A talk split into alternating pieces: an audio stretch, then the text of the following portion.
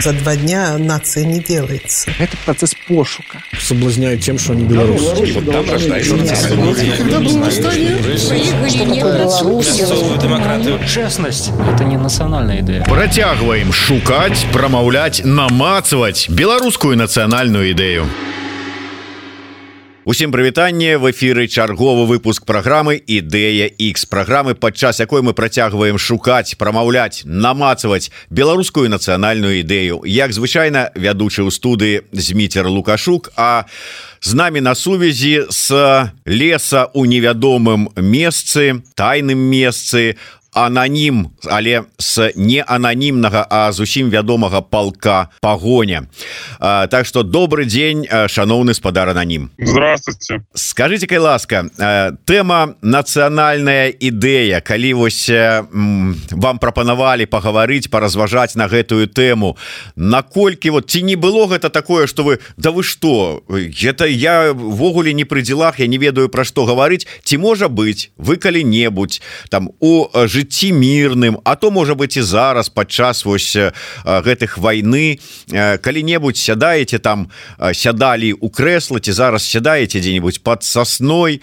запаливаеце цыгарету калі паліваеце і паліце і думаеце дай-ка я вось зараз у вольную хвіліначку поразважаю над будучым Беларусі над нацыянальнай ідэяй ввогуле над нацыянальными пытаннями было такое ці да естественно было. И как бы не только у меня у большинства и здесь присутствующих. Полку погоня и есть же люди у нас как бы которые раньше были в полку калиновского. То есть большинство думающих людей об этом думают. А в эти подразделения идут как раз думающие люди потому что не думающий человек пойдет как правило в чвк вагнера чтобы вы понимали. Там тоже хватает белорусов. Поэтому всегда об этом думаем потому что одно дело победить в войне, да, скинуть режим, а другое дело, что будет взамен. Если никакой дальше альтернативы нет, то вопрос тогда зачем вообще было начинать. Поэтому, да, мы, естественно, всегда об этом думаем, общаемся на эту тему, потому что если днями заниматься только, только военными как бы делами, то, естественно, уже мозг как бы начнет атрофироваться, он будет думать только в этом направлении. Поэтому даже для смены рода деятельности мыслительной необходимо это не то, не то что уже как бы для нашего будущего. Потому что нам в этой стране не жить. Вот. И, естественно, нашими руками будет коваться эта победа, и, ну и вашими в том числе на, информационном, на информационном фронте. И поэтому, как бы, естественно, мы всегда об этом думаем и обсуждаем, и дебаты бывают. Ну, до драк, конечно, не доходит, но даже бывает на эмоциях. Потому что подходы бывают где-то отличаются, но в споре рождается истина, только в споре. На этом как бы основана демократия, что есть конкуренция между мнениями и побеждает более конкурентоспособная, как и в, вообще природа заложена важно, да, что естественный отбор. Так, естественный отбор каких-то идей, национальных в том числе. Скажите, вот э, с теми вашими однополчанами, с якими у вас э, бывают такие спрэчки э, по наконт бачання будучага Беларусі, у чым разыходжанне? У чым адрозненне? Найпершы дзе наконт чаго вы спрачаецеся і ну пакуль что может быть не маеце агульнага погляда? На самом деле уже в принципе общее понимание есть тут какие-то шероховатости потому что ну люди естественно разных взглядов не может быть каких-то людей одних взглядов в таком подразделении. Вот. Ну и конкретно в нашем случае есть люди очень правых взглядов которым надо объяснять что как бы понимаете какие-то вещи которые вы предлагаете условно там, да, закладывать ту же национальную идею, они же как бы э, идут э, правоприемниками того, что сейчас как бы имеет э, теперешняя диктаторская власть. То есть поэтому как бы, благими намерениями выслана дорога в ад. Вот, как бы, есть такие нюансы, что люди какие-то предлагают там максимальный упор, например, там на белорусский язык, чтобы все там остальное, там русский чуть ли там не убрать вообще. Ну, понимаете, ну так не работает. Сами понимаете, большинство белорусов говорит по-русски, да. Я говорю спокойно и на белорусском, и на русском языке. Интервью на русском, естественно, потому что большая часть аудитории, она русскоговорящая, как правило. Ну и в Беларуси в целом. Ну и вопросы языка, там, например, вопросы миграции, потому что я много поездил по свету, по разным странам и видел, что то, что как у нас преподносится, и в том числе людьми э, правого, правого взгляда, что мигранты это зло, они там привносят только криминал и так далее. Ну, практика пока показывают как раз такие нет. Потому что человек, который приезжает в чужую страну, она ему дает такой соцпакет, который ему не давала его родина, он будет готов за эту страну жизнь отдать. Вот. И вот в этом как бы я на жизненных примерах объясняю людям, что как бы не все так просто. И правда, она всегда посередине. То есть э, плохо и там ультралевые взгляды, и плохо, плохо ультраправые взгляды. То есть надо всегда приходить к консенсусу. Потому что, я думаю, всем понятно, что конкретно белорусское общество расколото. Да? Э, как когда-то сказал Вадим Прокопьев, на три барака. Да? То есть те, кто два барака противоположным, и те, кто посерединке. Так вот, задача в том, чтобы общество как-то объединить. Даже те же силовики, которые, может, в каких-то вещах там замазали себя в руках, э, в крови свои руки, да, э, они же тоже как бы, ну, такие же белорусы, как и мы. Да, кто-то сделал серьезные какие-то вещи, за которые, ну, нельзя простить, они должны понести наказание. Кто-то может даже высшую меру, это понятное дело. Но были и те, кто как бы не сделал чего-то такого сверх, э, сверхплохого, за что как бы следует их там условно уничтожать. Вот. Поэтому в этом как бы суть э, сейчас разговоров и суть как бы прихождения к консенсусу. Потому что люди, по которым прошлись очень сильно катки репрессий, да, кто уже отсидел, и такие есть э, в погоне, да, они, естественно, хотят мстить, но на месте не сделать новое общество. Вы сами это понимаете. И поэтому вот в таких как бы дискуссиях и рождается истина.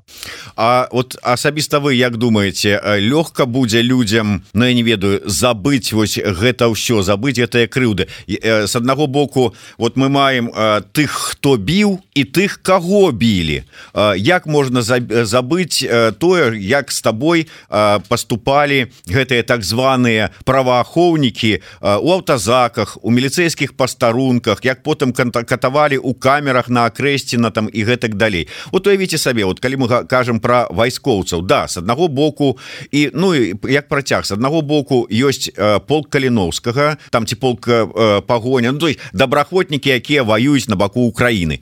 Ёсць беларусы якія воююць на баку э, расіянаў супраць Украіны А ёсць тыя вайскоўцы беларускія якія ні рыба не мяса і не тых і не за гэтых і не ведаюць і не там не сказалі нічога і на бок народа ў двадцатым годзе не сталі. І думаешь а такія аба будуць бараніць Беларусь ці што яны ці трэба нам такія? Вот як з імі замірыцца? Вот вы бачыце магчымасць вот замірыць вот гэта ўсё расколатае грамадства? Да естественно это все можно помирить если подходить в первую очередь с буквы закона ну из буквы закона там не конкретно закона Республики Беларусь, а международных законов в первую очередь. А второе, надо понимать, что месть, ну, сама по себе, она только как бы ухудшает. Если правомерное, как бы, ну, против э, неправомерного действия э, за ним идет наказание, которое соответствует этому преступлению, то дальше как бы человек, который, ну, против кого было применено насилие силовиками, он, ну, условно, свою месть, ну, и злобу он уменьшит, как бы, да, вот. И тот силовик, которого накажут по букве закона, а не судом Линча, он, скорее всего, тоже это поймет. А самое главное, поймут те его сослуживцы, которые, может быть, вообще ничего плохого не сделали, такое тоже возможно, но которых, если пользоваться просто по принципу мести, их просто будут убивать всех. Есть и такие люди, которые, понятно, они озлоблены на всех, они не могут знать в лицо каждого своего, там, э, так скажем, обидчика, который их э, избивал, там, э, мучил в СИЗО, мучил в тюрьме. Но вопрос в том, что а, наказать человека, который, возможно, даже ничего и не сделал, просто он носит форму в данный момент времени. Вот. Это только еще больше расколет общество. То есть, подытожим, наказание должно соответствовать преступлению. То есть, если человек сделал какой-то проступок не очень серьезный, он должен понести наказание соответственно этому проступку. И противовес этому, если преступление было серьезным, то есть убийство, потому что поскольку мы на войне, кто бы там что ни говорил, с 20 -го года мы на войне, как только был убит первый протестующий, мы с вами, да, э, начали как-то, как сказать, это не начало было гражданской войны, но это было показатель того, что диктатор за свою власть будет убивать, насиловать, резать ему все равно. Вот. То есть те, которые убивали, естественно, им, скорее всего, будет э, высшая мера наказания. Ну, это как бы логично, и это даже законом Республики Беларусь все прописано. Поэтому тут нет никаких-то каких-то таких, знаете, там, э,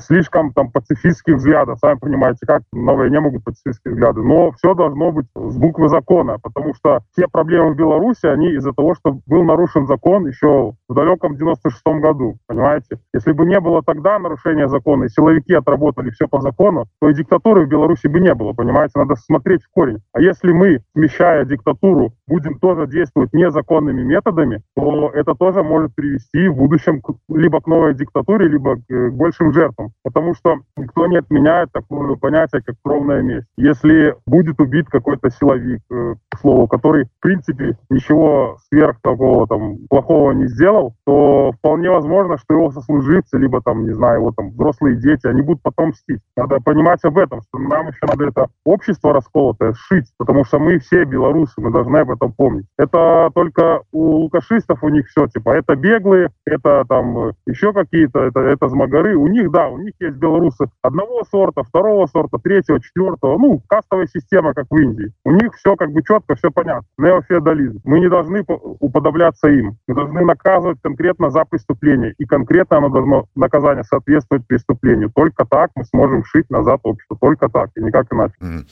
а, ведаеце вот раней ну прынамсі до двадцатого года я быў цалкам перакананы что такая нацыянальная ідэя ну может быть я тады не называў яго нацыянальнай ідэі Ну хотя может быть так гэта лепш падыходзіць слова беларусаў як это кажуць хотя это не вельмі добрае слово такого глыбіннага беларускага народа гэта абы не было войны А можа так і трэба. Вот две две фразы вот ад якія і моя хата с краю вот три фразы якія вы выказывалі нацыянальную ідэю беларусаў. Мне так падавалася. Але калі вось сыходзіць з гэтага і прыняць что это сапраўды пераважнай большасці беларусаў вось такая нацыянальная ідэя то вы і ваши паплечнікі тыя беларусы якія зараз пайшлі і воююць на баку Украіны яны нейкія неправільныя беларусы некі вот сапсаваныя беларусы. Як это так? Мы тут за абы не было войны а яны самі сабраліся і пашлі на войну Ну вот смотрите вот то что вы сейчас сказали то есть люди которые так считают они сами себе противоречат. Кто бы там что ни говорил кто вы там какие умные вещи там диктатор не говорил что мы не участвуем в войне и так далее. Беларусь участвует в войне. Вот. Я как э, теперь являюсь военным. Это четко понимаю что поскольку с территории Беларуси было осуществлено нападение Беларусь также является стороной конфликта кто бы что ни говорил. Территории Беларуси летят ракеты так?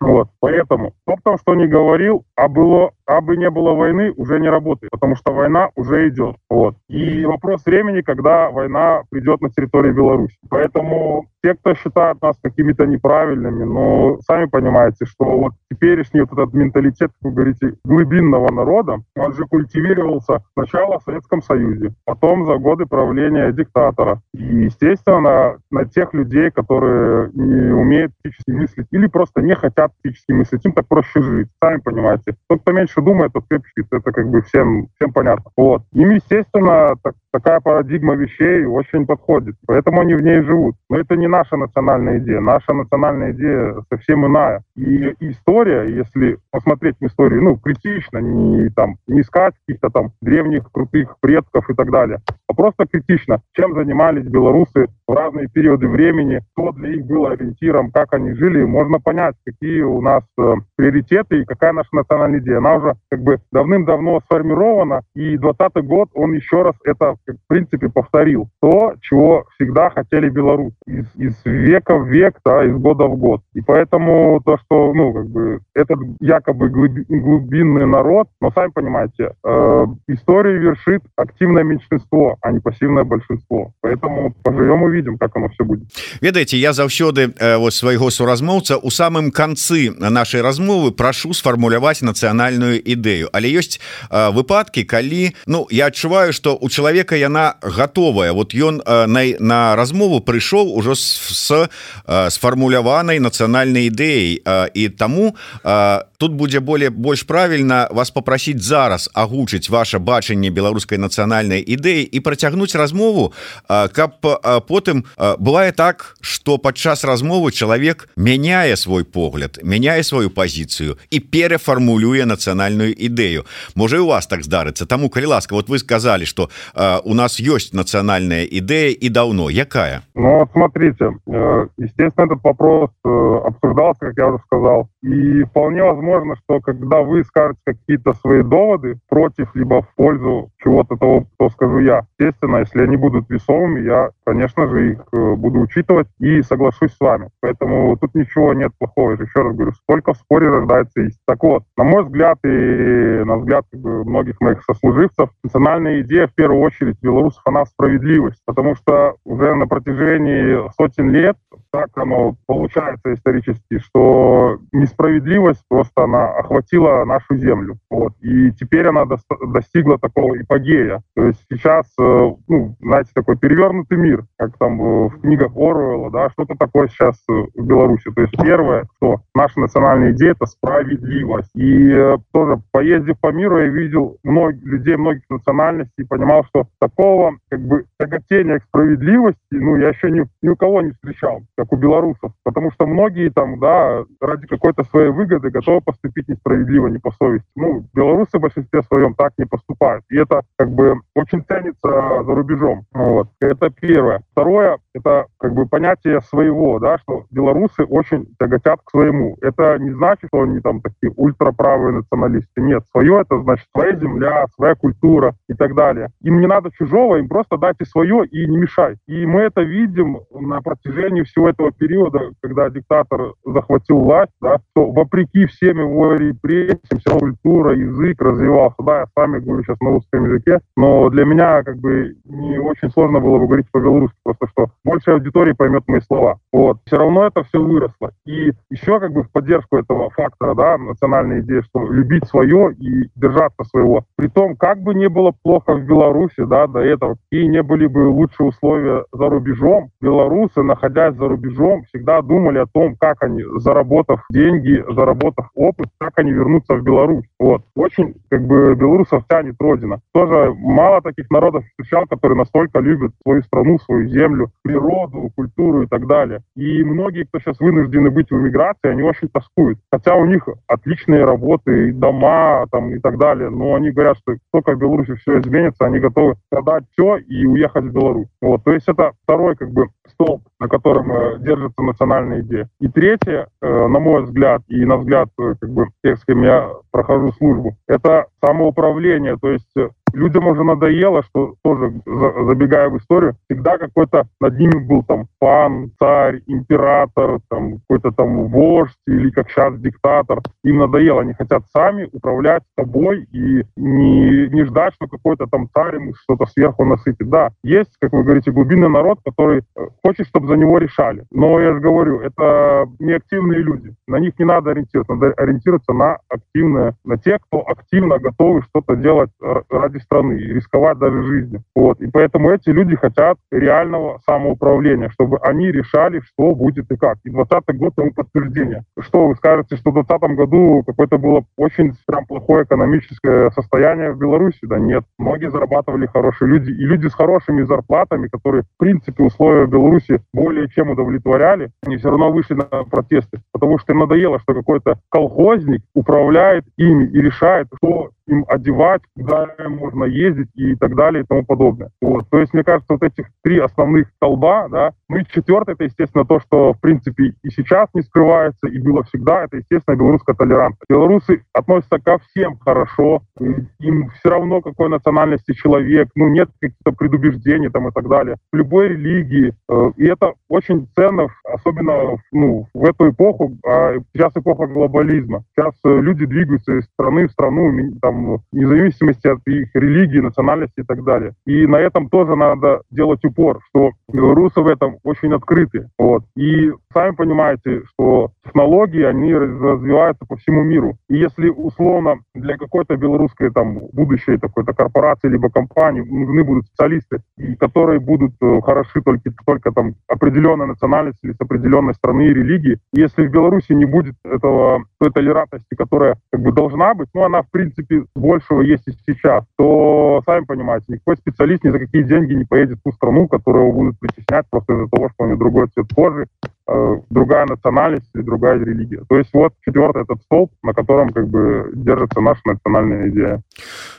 Я так для сябе запісаў і прынцыпе калі сфармуляваць коротко то гэта чатыры словы вызначэнні справядлівасць айчына самакіраванне толерантнасць правильно да да да совершенно верно Ну вось э, калі э, ну я тут адразу патлумачу калі я вам сказаў что э, там пераканаць э, то э, былі такія выпадки але что самое цікавае гэта выпадки былі такія калі скажем э, чалавек прыходзіў на размову і казаў я зараз вам дакажу что нацыянальная ідэя гэта шкодная рэч она нам не патрэбная і увогуле можна так на нацыя нацыяналізм нацызм фашизм вот так вот знаки роўнасці паставіць і таму гэта ўсё дрэнная справа. І я падчас размовы чалавека перака пераконваў что ён неправы і мы па выніку фармулявалі нацыянальную ідэю там ці іншыя там былі сітуацыі з вами конечно сітуацыя іншая. Але э, калі по вот двух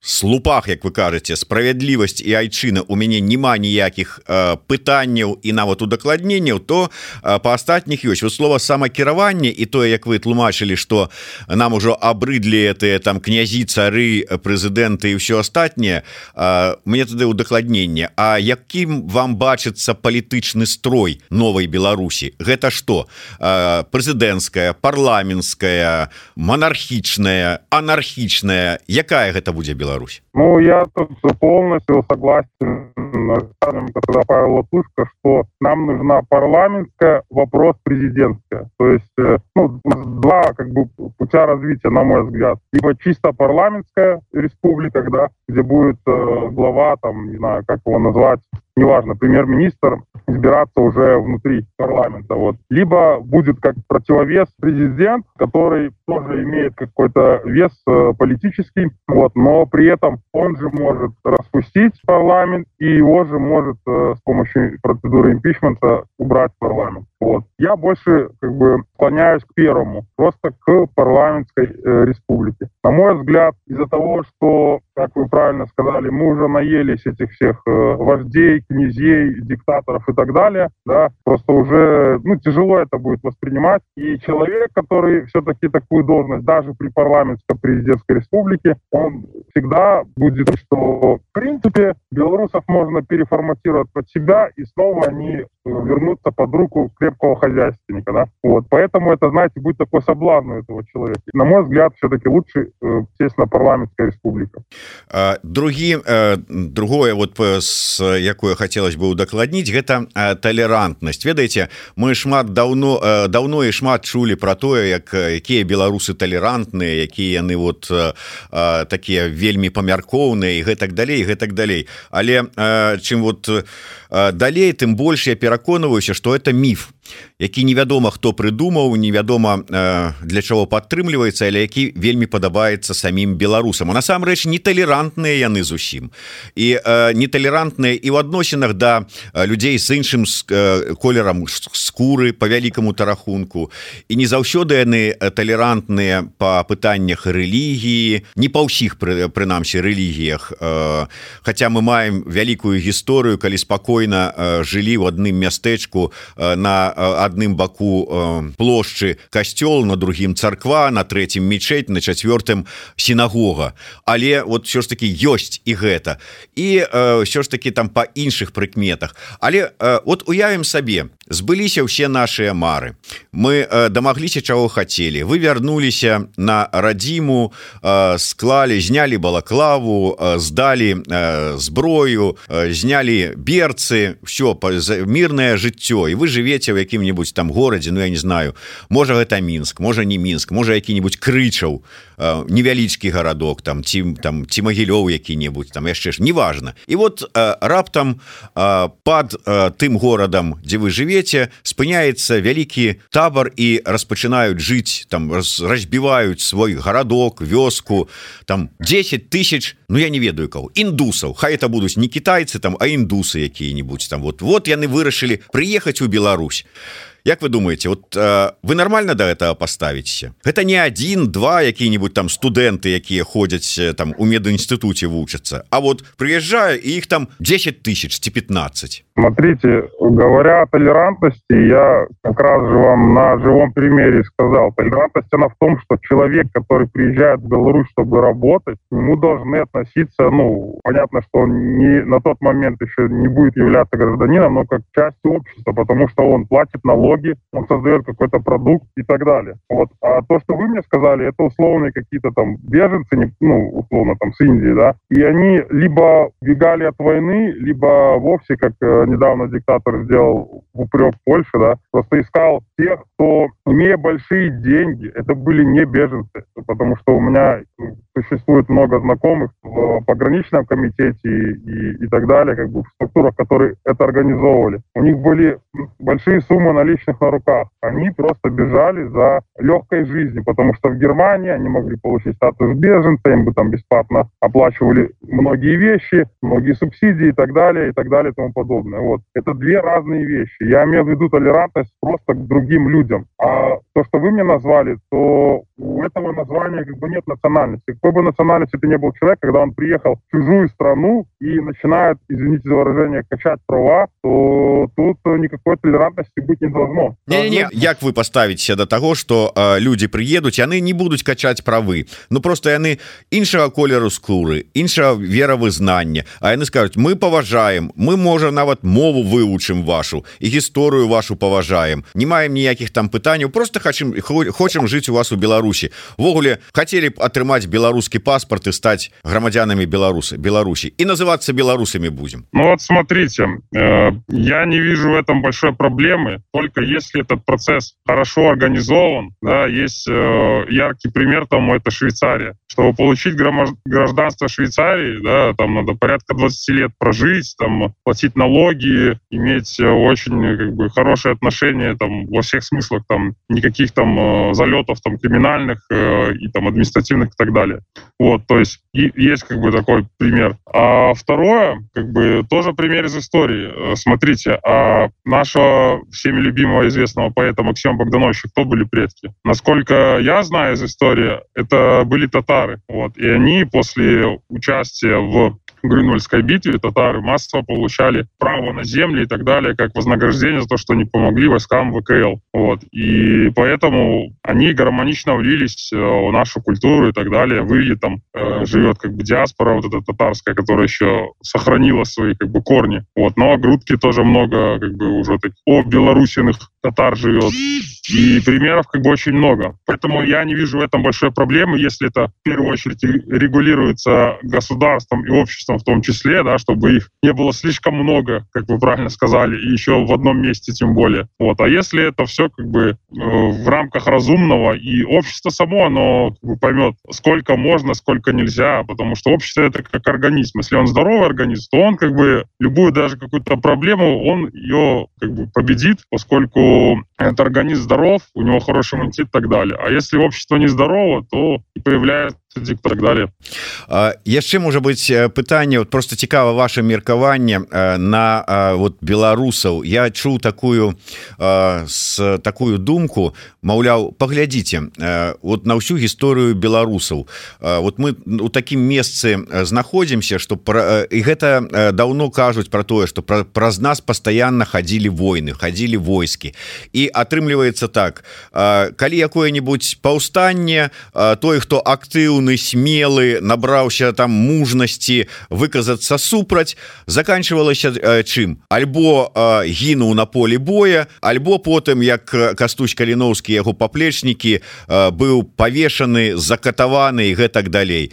Войны партызаны хто знаходзіў сабе смеласць неяк так стаць на шляху ворага. Гінуў той же самы слуцкі збройны чын там іншыя сітуацыі. Ось вся гісторыя нацыя э, сведчыць про тое что самыя смелыя самыя мужныя тыя хто высоўваўся іх выкашивала а заставаліся тыя хто сыходзіў у лясы хаваўся той хто не высоўваўся той хто пагаджаўся і маўляў мы беларусы нацыя выжыўшых нашчадкі унукі дзеці тых хто здолеў выжыць можа быть так можа быть нават не не вельмі такое добрае слово але типа там нашчадкі трусаў і может быть гэта ёсць у нас у генах 10 вот вы згодны с таким то что вы сказали оно отчасти правильно потому что естественно цвет нации это те кто люди э, не, не безразличные как бы которых есть как бы лидерские качества и так далее. Естественно их выкашивали все эти восстания войны и так далее. Вот. Зная это как бы идеологи режима они тоже это используют и поэтому они сейчас у них такая тактика из беларуси как бы выдавить всех кто, э, ну, естественно, критически может рассуждать, вот, и может организовать э, людей и дать им отпор, вот. Поэтому это как бы все логично, это дало знать как бы на нашей нации. Но, тем не менее, вопреки всему этому, вот, наверное, благо есть интернет, и э, многие люди научились критически мыслить и брать информацию с разных источников, и поэтому не все упущено, не все потеряно. Да, естественно, в процентном соотношении очень много людей, как вы говорите, потомках тех, кто любит не высовываться, да, и как бы условно э, родители этих людей, они будут им говорить, не высовывайся, не ходи на митинги, там, а что тебе больше всех надо, а ты что, самый умный и так далее. Это культивировалось в Советском Союзе, это культивируется, в принципе, и сейчас. Вот. Поэтому в этом нет ничего удивительного, но, я еще раз скажу, э, историю э, вершит всегда активное меньшинство. Это как бы аксиома. И поэтому, поскольку мы активны, даже что нас выдавили из страны, вот, но мы не потеряли взаимосвязь с страной, с людьми, которые внутри. Вот, и мы готовимся, участвуем в каких-то действиях, готовим резервы, вот, и покажем силу в нужный момент, потому что диктатор уважает, диктатор и диктаторы, потому что они сейчас уже не разлей вода, вот, они уважают только силу. Поэтому все эти почти 30 лет, сколько Лукашенко у власти, он нам говорил, что мы белорусы мирные люди, потому что единственное, чего он боится, это не мирных людей. Как работать с мирными людьми, он умеет. Вот. И поэтому изначально, еще с самых первых протестов в 90-х годах, как только он видел, что э, протесты будут мирными, он расслаблялся и понимал, что все у него на мази, он знает, как действовать. Но он не знает, как противостоять хорошо организованным людям с оружием в руках, с тактическим мышлением, оперативным и стратегическим мышлением, которые будут наносить ему очень сильные удары в тех местах, где он даже не будет ожидать. Вот. И чему он не сможет противостоять, потому что, сами вы понимаете, одно бегать с дубинкой и гонять людей, либо там с ружьем, с резиновыми пулями стрелять, а другое это когда по тебе ведется огонь, вот, и ты уже думаешь, так, типа, сегодня я доживу до утра, либо не доживу. То есть э, люди с той стороны не очень готовы. Да, есть там, которые готовы с оружием в руках как бы умирать за режим, либо умирать за то, э, чем обеспечивал режим квартиры, там, деньги и так далее, звания, должности. Но таких мало. И когда сильно начнет по ним бить, они просто убегут в Россию. Как было с Беркутом украинским, который убежал. На жаль, вось такі вось незвычайным чынам, але была завершаная наша размова. Я пакуль не ведаю, что там э, здарылася, спадзяюся, что ну, э, нешта не такое э, сур'ёзнае і трагічнае для жыцця, але можа быть э, ну, ось, тое, што прымусіла скончыць так э, размову э, майго э, субеседніка, э, прадстаўніка ананіма з полка пагоня беларускага добраахвотніка. Тым не менш нацыянальную ідэю мы ад яго пачулі. І гэта я яшчэ раз нагадаю чатыры словы. Справядлівасць айчына самакіраванне і талерантнасць. У любом выпадку я думаю что выдатная нацыянальная ідэя тым больш что мы яе пачулі ад чалавека які рызыкуючы жыццём змагаецца за Беларусь знаходзячыся ва Украіне і ну звычайна я напрыканцы размовы дастаю вось такі кубачак і дару яго гэта такі падарунак для маіх суразмоўцаў у межах праграмы ідэя X ад праграмы нашай ад мяне асабіста ад еўрарадыё. Зараз мой суразмоўца мяне не чуе і я нават не ведаю якім чынам мне перадаць яму гэты кубак але я буду спрабаваць паспрабаваць Мачыма атрымаецца таким чынам мой паважаны суразмоўца ананім з палка пагоня. Дякуй табе за твою нацыянальную ідэю. А гэты кубачак пры магчымасці Я спадзяюся не толькі перадам але ён дойдзе да цябе. Зміцер лукашук быў для вас у эфіры. А нацыянальную ідэю я яшчэ раз агучу. Справядлівасць айчына самакіраванне і талерантнасць. Выдатная як на мой погляд нацыянальная ідэя. Слухайте і глядзіце нас. у